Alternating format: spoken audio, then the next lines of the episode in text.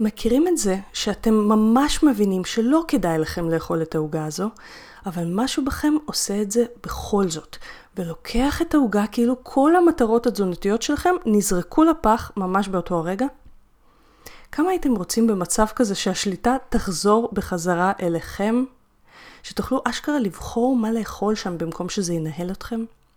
בפרק היום אני הולכת לדבר איתכם על שיטה מאוד ייחודית ומהפכנית להתגברות על הדחף הזה מבלי להילחם איתו. ברוכים הבאים לפודקאסט תזונה הצעד הבא. כל הנושאים החמים ביותר וכל מה שעובד בתזונה. וזה כדי שתדעו מה הצעד הבא במסע שלכם להשגת שלום עם האוכל, הגוף והלב. מוגש לכם על ידי רותי פינק, דיאטנית קלינית והוליסטית שמחפשת תמיד מה עוד אפשרי בתזונה, בבריאות ובחיים.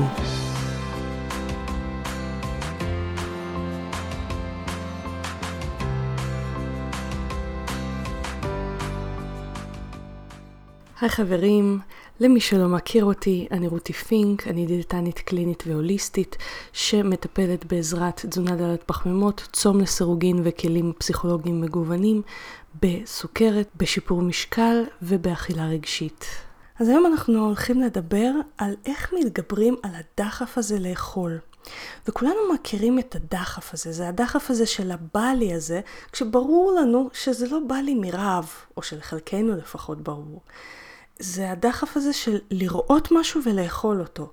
זה הדחף הזה של לאכול את האוכל הכי לא מיטיב עבורנו, הכי לא מדויק לנו, ו- ולא להבין למה אנחנו עושים את זה בכלל. כאילו, משהו חזק מאיתנו משתלט עלינו שם. אז היום אני הולכת לדבר איתכם על שיטה שפיתח פסיכולוג בשם גלן ליבינגסטון, שמבוססת על טיפולי CBT. CBT זו שיטה מאוד ידועה, מאוד נחקרת. ואני ממש ממש הולכת תכף לפרט לכם על השיטה הזאת, כי אני עובדת איתה במר... בקליניקה שלי, אני משלבת אותה בקליניקה שלי, ואני חושבת שיש אנשים שהיא פשוט מצילה נפשות עבורם, לא פחות. כמו כל שיטה, היא לא מתאימה לכולם. אבל בשילוב עם שיטות נוספות, אני חושבת שהיא שיטה מאוד מאוד מרתקת, ואני חושבת שבסיום הפודקאסט הזה אתם uh, תגידו, וואו, זה מעניין, או משהו אחר.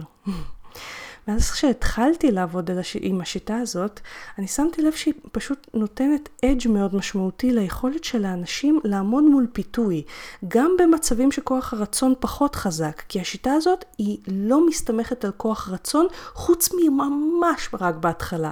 אתם יודעים, דיאטה הרבה פעמים מסתמכת על כוח רצון. אני לא אוהבת את ההסתמכות הזאת על כוח רצון, כי כוח רצון זה משאב מתכלה, זה משאב שיש לנו לפעמים יותר ממנו, לפעמים פחות ממנו, תלוי כמה אנחנו מחוברים למניעים הפנימיים שלנו, וזו שיטה שלא מסתמכת על זה, רק, ממש ממש רק בהתחלה, ואתם תכף תבינו. ובניסיון הקליני שלי, היא לא באה במקום עבודת עומק, אבל היא באה כהשלמה חיונית לעבודת עומק על אכילה רגשית. על uh, עבודת עומק על אכילה רגשית דיברתי בפרק שבו ראיינתי את אורלי דרורי וגם בהמון פרקים אחרים, אתם די, uh, המאזינים הוותיקים כבר מכירים אותי, אני אוהבת כן להיכנס לעומק, אבל לא רק. אני בכלל, אני לא אוהבת להסתמך על שיטה אחת, אני מאמינה שכשיש לנו רק uh, פטיש, אז הכל נראה כמו מסמר. כשיש לנו הרבה שיטות, יש לנו גמישות לבחור ולהתאים לכל אדם את השיטה המתאימה לו. עם עבודת העומק שאני ואורלי דרורי דיברנו עליה, היא כוללת כניסה פנימה, למידה איך המחשבות שלנו מייצרות את האכילה, איך הטראומות שלנו לפעמים מייצרות את האכילה והבחירות שלנו, ושינוי ברמה הרגשית והמחשבתית, זה מה שעושה עבודת עומק. השיטה של גלן ליבינגסטון, או שיטת ה-CBT בעצם, היא מאוד מאוד שונה. היא עובדת על פני השטח, לא ברמת העומק, ממש על הכחדת הדחף הזה שמשתלט עלינו. ולפעמים זה כל מה שצריך, לפעמים לא צריך לחפור. היא מבוססת על שיטת ה-CBT, שזו שיטה שידועה באפקטיביות שלה לשינוי התנהגויות, וכולל שינוי התנהגויות אכילה. ואני אישית מוצאת שהשילוב בין שתי השיטות השונות האלה, הוא שמביא את התוצאות הטובות ביותר. אני רוצה רק לציין שאני הולכת להסביר לכם את הבסיס הנוירולוגי של השיטה, כי היא ממש עובדת על שינוי חיווט במוח בעזרת שינוי התנהגות, משהו מדהים ושונה לגמרי מאשר דיברתי איתכם עד עכשיו, ולכן אני מזמינה אתכם להקשיב עד הסוף, כי אני מבטיחה לכם שזה לא תיאוריה, יש בסוף הפודקאסט לגמרי כלים סופר פרקטיים שתוכלו ליישם כבר היום. אז אם אתם סקרנים, איך משתלטים על הדחף הזה למען השם? אה, אני שתי שניות רק רוצה לקחת את הזמן ולספר מיהו הגלן ליבינגסטון הזה שפיתח את השיטה הספציפית בצורה שאני משתמשת בה. זו שיטת CBT, רבים מהמטפלי אה, נפש מכירים אותה. אה, חלקם עובדים איתה, חלקם לא, אבל הוא נתן לה אדג' מאוד מאוד נוח שאני אוהבת לעבוד איתו. אז גלן הוא פסיכולוג. הוא סבל הרבה מהחיים שלו מהתקפי אכילה והיה בהשמנה מאוד משמעותית. בעקבות המסע שלו, ובעקבות הידע הפסיכולוגי שלו, הוא פיתח שיטה לעבוד מול דחפים שהיא שונה מאוד, וחשוב לי לציין שהשיטה הספציפית של גלן, כפי שהוא מציג אותה, לא נחקרה במחקרים, בדיוק באדג' הזה שהוא נתן לה, אבל כיוון שהיא לא משהו חדש, היא משהו שקיים לגמרי ב-CBT, פשוט צורת הביצוע שלה היא יצירתית מאוד ופשוטה להבנה, ולכן אני כן מדברת עליה למרות שהיא בעצם לא נחקרה, כי CBT כן נחקר בהמון מחקרים, במצבים רבים שקשורים להתנהגות אכילה, להפרעות אכילה, לטיפול בהפרעות אכילה, כולל בולימיה למשל, והוכח כיעיל מאוד להפחתת דחפים שונים באכילה, כולל למשל דחפים להקיא בבולימיה, וכמובן דחפי אכילה מתונים יותר. אז מה גלן טוען? גלן טוען שיש בעיה מבחינת איך שהוא רואה את זה, וזה מה שהוא התנסה בו ועזר לו לרזות, שיש בעיה בתפיסה שהפתרון לאכילה רגשית היא לקבל את כל החלקים שלנו. לדברי גלן, יש דחפים מסוימים בתוכנו שמאוד קשה לנו לעמוד בפניהם אם אנחנו נותנים להם פתח קטן. ובשביל זה בואו נבדוק מהו דחף בעצם. אז דחף בהגדרה, לפי גלן, הוא כל מה שגורם לנו לרצות לאכול מכל סיבה שהיא לא רעב. וזה בדיוק הרגע לעצור שנייה ולהסביר לכם שרוב האנשים חושבים שהם יודעים לזהות רעב, אבל בפועל, כשמתחילים לתשאל אותם איך הם מזהים רעב, הם מגלים שהם לא כל כך יודעים להפריד בין רעב לדחף, או שלא יודעים לזהות רעב. כי שימו לב, ההגדרה היא לרצות לאכול מכל סיבה שהיא לא רעב, זה מבחינת גלן דחף. רוב האנשים שבאים אליי לקליניקה די נדהמים מהכלים שאני מלמדת אותם על זיהוי רעב ושובע והפרדה בין לאכול לפי רעב ושובע לבין לאכול לפי דחפים או לאכול בגלל אכילה רגשית, שגם לזה יש פתרונות עומק יותר. אני מוצאת שהדרכה נכונה לזיהוי רעב ושובע אצל הרוב המוחץ של האנשים כבר מתחילה להרזות את רוב המטופלים שלי עוד לפני שהגענו בכלל לדבר על האוכל עצמו. וכיוון שהקליניקה שלי מלאה לגמרי, ברוך השם, עד ספטמבר, ואין לי אפשרות לקבל עוד מטופלים עד אז, ומן הסתם יש לי גם גבול כמה מטופלים אני יכולה לקבל, אז יצרתי עבורכם קורס אונליין ללמידה עצמית של הקשבה לגוף, שלא תצטרכו להמתין לתור אצלי. הקורס נועד לעזור לכם להבין מהו רעב, מהו שובע, איך אוכלים לפי רעב ושובע, והקורס הזה יצמצם לכם את כמויות האוכל בצורה שתפתיע אתכם, ממש תפתיע אתכם. אני אשים לכם את הלינק לקורס בהערות לפודקאסט, זה הקורס לרזות בשפת הגוף, ויש הנחה של 20% למאזיני הפודקאסט עם קוד שאתם מקלידים במעמד התשלום, וישר יורד לכם המחיר.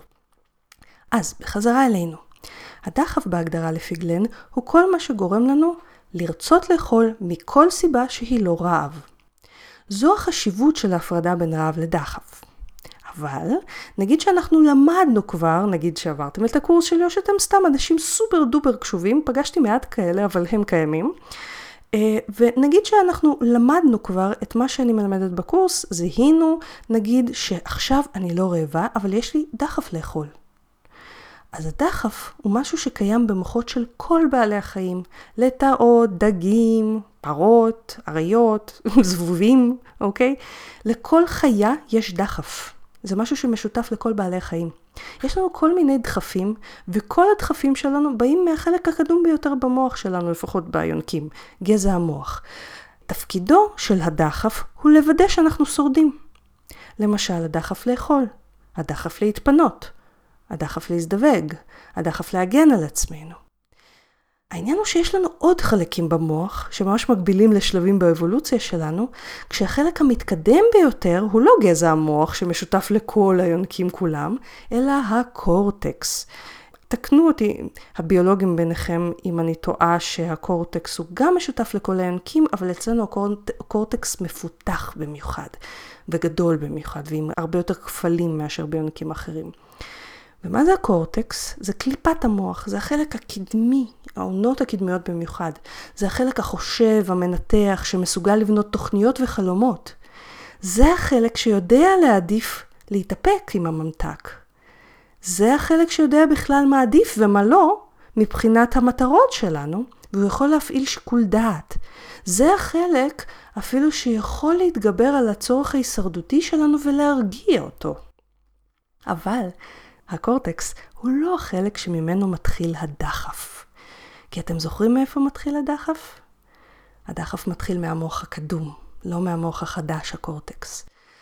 אתם מכירים את זה אולי, שאתם מנסים להבין למה בעצם אני רוצה לאכול את העוגה הזו, ואין לכם תשובה? אלא מין רק נדנוד פנימי כזה של, אבל בא לי, בא לי את העוגה הזאת. אז לפי גלן, זה כי מקור הדחף הוא במוח הקדום שלנו, גזע המוח, שלא קיים בו כזה שיקול דעת מורכב, אלא רק פקודות חד משמעיות. זה אכיל? אז אוכלים את זה. זה לא אכיל? אז לא אוכלים את זה. זה אכיל? אז רוצים את זה, כי תחשבו, אם לא יהיו לנו דחפים לרצות לאכול את מה שאנחנו רואים, אנחנו נגבע מרעב, כי למה שאנחנו נזוז אה, לאכול? אז יש לזה משמעות לגזע המוח, כן? אבל זה, הוא כאילו מין אפליקציה מאוד מאוד פשוטה לתפעול. זה אכיל, אוכלים את זה, זה לא אכיל, לא אוכלים את זה. עכשיו, בזמן שהניסיון להבין למה בא לי לאכול את זה, הוא מהקורטקס, החלק החושב. זה שמסוגל לקחת המון דברים בחשבון, זה שמסוגל לזכור את המטרות שלנו ולהפעיל שיקול דעת אנושי באמת. הקטע הוא שגם אם הדחף מקורו במוח הקדום, הפרימיטיבי הזה, המשותף לנו ולרוב בעלי החיים, מה שמוציא את הדחף לפועל הוא לא גזע המוח. כי בשביל להזיז את הידיים והרגליים שלנו, אנחנו צריכים את החלקים הגבוהים יותר במוח שלנו. הקורטקס, קליפת המוח, החלק המתקדם ביותר במוח שלנו. החלק הזה שמצליח לחשוב, לזכור, לתכנן, לחלום, זה גם החלק שאחראי אצלנו על התנועה של הידיים והרגליים. אז בזמן שנוצר הדחף, זה כאילו שיש לנו שני צדדים. הדחף מתחיל מהחלק הקדום, אבל בשביל להוציא אותו לפועל, אנחנו צריכים לזוז כדי לפחות לשים את האוכל בפה. כלומר, בשביל זה החלק הקדום, הדחף, צריך לעורר איכשהו את החלק המתקדם שלנו, החושב, הזז, והזה שיודע לחלום ויודע לזכור מטרות. הוא צריך כאילו קצת סוג של טיפה להשתלט עליו. וזה בדיוק העניין. יש מסלולים נוירולוגיים, ממש כמו כבישים, שמחברים בין המוח הקדום לקליפת המוח לקורטקס. ודרך המסלולים האלה, הדחף מתחיל לשלוט בנו. כי בעצם הדחף שמתעורר בגזע המוח, דרך הכבישים לקורטקס, בעצם מעורר את קליפת המוח שלנו, והיא בעקבות זה עושה את מה שהיא רגילה לעשות, מייצרת מחשבות. ואיך היא מייצרת מחשבות? היא מייצרת פירושים ומחשבות סביב הדחף שמצדיקים את הדחף. היא ממש מתחילה להצדיק את הדחף כי הדחף השתלט עליה. והמחשבות האלה, שנובעות מהדחף, תמיד יישמעו כמו התירוצים הנפוצים. טוב, רק הפעם, מה כבר יקרה? ממחר דיאטה. או זה רק פרוסה קטנה ואני אצליח לעצור אחריה. או טוב, אה, אה, אני אוכל עכשיו כדי להיות חלק מכולם. והמחשבות שגורמות לנו לחרוג, המחשבות האלה, באופן, שגורמות לנו לחרוג באופן אוטומטי, שאין שם איזושהי חשיבה מודעת גדולה, או אפילו המחשבות האלה שפשוט נובעות מהדחף, או הדחף עצמו, הם חלק מאיתנו. הן הרי באות מהמוח שלנו, נכון? אבל המקור שלהן הוא מחלק אחד במוח, שמשתלט לנו, כמעט באלימות, על שאר החלקים שהם מתקדמים יותר בכלל. ואם תחשבו על זה, המחשבות האלה של טוב רק הפעם, באות בניגוד לכו... לכוונות הכי גבוהות והכי מיטיבות שלנו. אז אולי הם חלק מאיתנו, אבל אולי זה לא בהכרח החלק שחשוב להקשיב לו? אולי זה החלק שהוא כמו כפתור שברגע שלוחצים עליו, נוצר רק דבר אחד, הרצון לאכול, לא משנה מה. תחשבו רגע על כפתור מסוים באיזה משחק ילדים פשוט. אתם מכירים את המשחקים האלה של פעוטות שנועדו אה, לפתח מוטוריקה גסה כזה, שיש שם ארבע כפתורים, לוחץ על כפתור אחד יוצא דובי, לוחץ על כפתור שני, שני יוצא נמר, דברים כאלה. אז כל פעם שגזע המוח מזהה מאכל שלנו, נלחץ כפתור. והכפתור הוא לאכול. אוקיי? הדובי זה לאכול, הנמר זה לאכול, הכל זה לאכול. אז תחשבו על זה. בכל פעם שהכפתור הספציפי הזה נלחץ בחלק הזה במוח שלנו, המוח מתחיל להגיב רק בצורה אחת. כל המוח, לא רק גזע המוח. מתחיל להתעורר הדחף לאכול. זה כאילו המוח כזה קצת בשבי של הדחף הזה.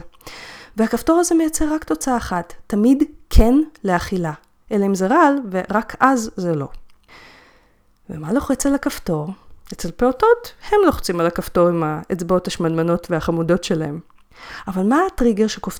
שלוחץ לנו על הכפתור האוטומטי הזה אצלנו במוח? אוכל, הזדמנויות לאוכל, מאכלים שונים, במיוחד אלה הממכרים, ואפילו משקאות שונים, כמו נגיד משקאות דיאט. כלומר, המסלול הוא, יש לנו טריגר, אוכל, נלחץ כפתור הדחף במוח הקדום, מופעל המוח שמתחיל להצדיק עם מחשבות, והמוח שלנו מתחיל כולו להגיד לנו כן על האוכל, גם אם זה בניגוד לאינטרסים הכי משמעותיים שלנו, וגורם לנו לשכוח את המטרות שלנו. וכאן באה השיטה של ה-CBT, ובמיוחד השיטה של גלן. הוא מזמין אותנו ממש לעשות הפרדה בין החלק הקדום הזה בתוכנו, שמייצר את הדחף, שהוא כמו בעל חיים שאין לו שיקול דעת אנושי, אין לו חלומות, שאיפות, ניתוח מחשבתי מעמיק. והוא רוצה להפריד בין החלק הזה לבין החלקים האנושיים בנו, שזוכרים את המטרות שלנו, את החלומות שלנו, את ההשלכות של הפעולות שלנו. הוא מזמין, וזה הגאונות של השיטה שלו, לקרוא לחלק הקדום הזה בשם של חיה מסוימת. הוא קורא לה החזיר שבתוכנו. אני פחות אוהבת ופחות מתחברת למילה חזיר, גם בקונוטציה של דתות מסוימות, וגם כי זה קצת שיפוטי, מה אתה חזיר? אני אוהבת להשתמש במושג לטאה, כי זה משהו אפילו פחות מנתח וחושב מחזיר, ו- ופחות מטריד אנשים מסוימים מדתות מסוימות. אז מה מבדיל בעצם בינינו לבין החלק הזה שמייצר את הדחפים האוטומטיים, שאני קוראת לו הלטאה? הרי המבנה המוחי הזה שמייצר את הדחפים קיים גם בנו וגם בלטאות. אז לנו יש חלומות, יש שאיפות, יש מטרות. לחלק הזה המטרה היחידה היא הישרדות. לא אכפת לו שאנחנו רוצים לרזות, לא אכפת לו שהסוכר משתולל ואנחנו רוצים לאזן אותו כבר. הוא רוצה רק לשרוד. לשרוד היום, לא לשרוד בעוד 20 שנה. אנחנו יכולים להבין מה ההשלכות של הפעולות שלנו. החלק הזה, הלטאתי, לא. למעשה, את החלק של הלטאה לא מעניין מה יהיו ההשלכות ארוכות הטווח של הפעולות שלנו, גם אם זה יזיק לנו. כל מה שהוא יודע זה שכשהוא מזהה מזונות מסוימים, אם יש את האפשרות לאכול, הוא תמיד יעודד אותנו לעשות זאת, לא משנה מה קבענו. ומה החלק הגאוני בשיטה של גלן וב-CBT בכלל? יש אפשרות להכחיד, או לפחות להפחית משמעותית את הדחף הזה על ידי ההפרדה הזו בינינו לבין החלק הזה שבאנו הלטאה. ועושים את זה על ידי שלוש פעולות בלבד. אחד, זה זיהוי שמה שקורה כרגע במוח שלנו זה הלטאה. כי יש לנו את המודעות, את היכולת להיות מודעים, וזה משהו שכנראה לבעלי חיים בכלל אין, זה החלק האנושי הכי גדול בנו. אז לזהות שהמחשבות שלנו כרגע הן מחשבות של הלטאה, שהשתלטה לנו רגע על המוח. השלב השני הוא להפריד את עצמנו מהלטאה, ומיד אני אסביר לכם איך עושים את זה בצורה הכי פרקטית בעולם. כלומר, להזכיר לעצמנו שאנחנו לא הלטאה, והשלב השלישי זה לחזק את עצמנו ולהחזיר את השליטה לעצמנו ולהחזיר את הלטאה למאורה שממנה היא הגיעה. ואיך עושים את זה? אז קודם כל, מזהים את הלטאה. הלטאה במקור שלה היא דחף, אבל את הדחף עצמו לא תמיד ניתן לזהות, כי אין לו בדרך כלל מילים. לפעמים זה מין תחושה כזאת בגוף של, אה, אני רוצה. אבל הרבה פעמים זה מחשבות. וכן ניתן לזהות את איך שהדחף הזה מעורר לנו את קליפת המוח על ידי כל התירוצים שקליפת המוח מתחילה להביא לנו כדי שאנחנו נאכל. של רק הפעם, זה טעים מדי, אני לא יכולה לעצור, מה, תאכלי משהו שונה מאחרים? או אני לא יכולה לעמוד בפני זה. והקלאסי ביותר זה בא לי. מכירים את הבא לי? מי לא מכיר את הבא לי? שיצביע. אז המטרה הראשונה שלנו, הפעולה הראשונה שלנו, והיא החשובה מכולם, היא לזהות את הדיבור הפנימי שאומר לנו, הא, הופעל פה דחף. אם הופעל פה דחף, אז זו הלטה הפנימית שלי מדברת. המוח הקדום. זיהינו שהיה פה דחף, זיהינו את המחשבה בא לי, עוברים לשלב הבא. זוכרים את השלב הבא? השלב הבא הוא ההפרדה בינינו לבין הלטאה. וזה החלק שבו אנשים בהתחלה מעט מתקשים, כי אנחנו נוטים להתייחס לכל המחשבות שלנו כאל חלק מאיתנו. בא לי, זה לי בא, לא ללטאה הבא, זה לי בא. אה, אני לא יכולה לעמוד בזה, זה אני לא יכולה לעמוד בזה, זה לא הלטאה לא יכולה לעמוד בזה, זה אני, לא? אבל הרי יש הבדל ענק בינינו לבין החלק של הלטאה בתוכנו. כי אנחנו כן יכולים להבין מה ההשלכות של הפעולות שלנו, הלטאה לא. אנחנו כן זוכרים את המטרות של, שלנו לשפר את הבריאות ולרזות, הלטאה לא. אנחנו מסוגלים לדחות סיפוקים, הלטאה לא. ובשלב הזה של ההפרדה שלנו מהלטאה בתוכנו, איך אנחנו עושים את זה? אנחנו אומרים לעצמנו דבר אחד בלבד. אה, ah, זה הלטאה מדברת. הלטאה יודעת רק דבר אחד, לשכנע אותי לאכול, אבל אני הרבה יותר מהלטאה שבתוכי. אני אחזור למשפט הזה, מזמינה אתכם לבדוק איך אתם מרגישים כשאתם שומעים אותו. כמה הוא מעצים כבר. אה, זה הלטאה מדברת. הלטאה יודעת רק דבר אחד, לשכנע אותי לאכול. אבל אני הרבה יותר מהלטאה שבתוכי. אני אדם. והנה בא השלב האחרון והמחזק ביותר, והוא החזרת השליטה לעצמנו. בשלב הזה, אחרי שאנחנו כבר מבינים שזה לא אנחנו שמדברים את הדחף הזה, אלא החלק הקדום הפרימיטיבי, הלטאה שבתוכנו, אנחנו אומרים פשוט לעצמנו את הדבר הבא והאחרון. ותבדקו כשאני מקריאה אותו, איך זה מרגיש לכם בפנים, כמה זה מעצים. אני לא מקבל או מקבלת המלצות תזונתיות מלטאות. אני המחליטה מה אני אוכל, ולא הלטאה. אנחנו לא מדברים עם הלטאה, כי אנחנו לא מדברים עם חיות בדרך כלל, אלא אנחנו מדברים עם עצמנו, ומזכירים לעצמנו מי אנחנו. אנחנו הבוס כאן. אנחנו הרבה יותר מהלטאה. אנחנו אלה שזוכרים את המטרות. השיטה הזו מאוד ידועה ב-CBT, והגאונות של גלן היא לייחס את המוח הקדום לאיזושהי חיה פשוטה, ובמקרה שאני אוהבת להשתמש בו זה לטאה, הוא משתמש בחזיר. הרי אנחנו לא נתחיל לעשות דיאלוגים עם לטאות, עם עזים או עם זבובים, נכון? אה, אני האמת היא כשאני מנסה להרוג זבוב אני אומרת לו כזה בוא בוא בוא בוא בוא אליי אבל זה עד כמה הדיאלוג מתקדם אצלי ואצל זבובים. עם לטאות אני לא נוטה לדבר בכלל. אז אנחנו לא נתחיל אבל להתייעץ עם שום לטאה או עם שום חיה אחרת על מה לעשות בחיים שלנו, נכון? לטאה יקרה, תגידי לי, שווה לי להתחתן עם הבחור הזה או לא? אז אין סיבה להתייעץ עם לטאות גם על האוכל שלנו, או להקשיב למה שיש להם לומר. הם תמיד יגידו כן על האוכל, על הלטאות הפנימיות שלנו. מה, מה אנחנו כבר מצפות שהם יגידו לנו חדש ומרגש? וככל שאנחנו מתאמנים על הזיהוי והדיבור הפנימי האלה יותר, ככה משהו מדהים מתחיל לקרות ממש במבנה המוח שלנו.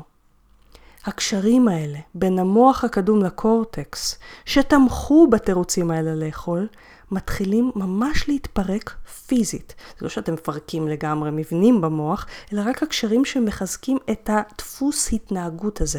ממש אפשר לראות את זה ב-FMRI. זה ממש כמו שביל בדשא, תחשבו על זה. אם אתם הולכים הרבה בשביל בדשא, הוא נראה ברור, נכון? הוא חרוש. אבל אם אתם מפסיקים ללכת בו, הצמחייה מתחילה לטשטש אותו, מתחילים לצמוח בו כל מיני אה, עשבים שוטים, ומתחילים לטשטש אותו עד שהשביל נעלם. זו בדיוק הכחדת הרגלים או הכחדת דחפים שעושים ב-CBT. אנחנו מייצרים מסלול נוירולוגי חדש שעוקף את הלטאה בכך שאנחנו מזכירים לעצמנו מי אנחנו. אנחנו בני אדם, ושאנחנו לא מקשיבים לא ללטאות ולא לחיות אחרות, ולא למוחות קדומים בהמלצות התזונתיות האלה. זה כמו מסלול עוקף. ואז המסלול הישן, זה שגרם לכל דחף על האוכל לספק למוח שלנו מיליון תירוצים למה לאכול, והיה פעם כביש ראשי, המסלול הזה מתחיל לצמח עשבים שוטים ודועך. ויכול להיות שבהתחלה זה נשמע לכם אולי מאוד שונה ממה שאתם מכירים, אולי אפילו קצת מלאכותי. מה, אני אפריד חלקים בתוכי? מה, אני עם אה, פיצול אישיות?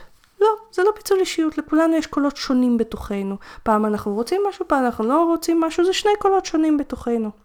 אבל ברגע שאתם מתחילים רק טיפה לתרגל את זה, ולוקח טיפה זמן לשים לב בפעמים הראשונות, וזה בסדר, זה לוקח זמן, זה עניין של תרגול, זה ממש כמו ספורט. אז ברגע שאתם מתחילים טיפה לתרגל את זה, אתם מבינים שזה לא באמת הפרדה, זה פשוט הורדה בחשיבות של כל אחד שהיה פעם מאוד חשוב לכם והשתלט על הבחירות שלכם באלימות, על, על כל המוח שלכם, ומנע את ההצלחות שלכם. ובמקביל זה גם העלאה בחשיבות של הכל בתוככם שזוכר את המטרה שלכם, בכל סוג של תזונה שתבחרו בו. אני מוצאת ששילוב של הגישה הזו באנשים שמתחילים למשל צום לסירוגין היא סופר אפקטיבית. כי בצום לסירוגין למשל, מה שאנחנו עושים בהתחלה, ומי שיש לו את הקורס המלא שלי על צום לסירוגין יודע את זה, מה שאנחנו עושים בהתחלה זה אנחנו מרגילים את הגוף שלנו לבקש אוכל בשעות מסוימות. וככה זה לוקח התרגלות של בערך 2-3 שבועות של רב. אה, לא רעב היסטרי, אבל רעב, יש רעב, אבל אם אנחנו מרגילים את הגוף לעשות את זה בשעות מסוימות, הרעב ממש מתחיל לרדת, עד שהאוכל כבר לא נעשה פקטור בשעות הצום. אבל בזמן ההתרגלות הזו, הרעב יכול להגיע, בהחלט. ובקורס שלי על הצום לסורגין אני מלמדת בדיוק מה לעשות במצב הזה כדי להישאר במסגרת. אבל תחשבו גם כמה יכולה לעזור החשיבה הזו של זה רק הלטאה מדברת כרגע שאני זקוקה לאוכל, כי הדחף לאוכל יתעורר עכשיו, כי זה מה שהגוף רגיל. הגוף עוד לא רגיל לצום לסירוגין, אז אני מזכירה לעצמי שאני הרבה יותר מהלטאה הזאת, ואני אחליט מתי לאכול. זה יכול לייצר איזושהי מין תחושת שליטה, וזה יכול לחבר אותנו בחזרה לכוח רצון, גם אם היה לנו יום לא פשוט שהדעיך לנו, גמר לנו את כוח הרצון. ואולי זה גם מאפשר לנו להתמיד בכל פרוטוקול צום לסירוגין שהחלטנו עליו. לא ככה? אגב, הלינק לקורס המלא של הצום לסירוגין, שנקרא אכילה לסירוגין לבריאות והרזייה, מופיע גם הוא בהערות לפרק, גם הוא עם הנחה למאזיני הפודקאסט, וזה הקורס המקיף בארץ, בעברית, לצום לסירוגין לקהל הרחב.